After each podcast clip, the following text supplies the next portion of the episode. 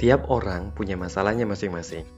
Entah itu soal drama percintaan, ruwetnya pekerjaan, masalah dalam keluarga, atau mungkin masalah dalam dirinya sendiri. Yang namanya masalah nggak baik kalau dipendam.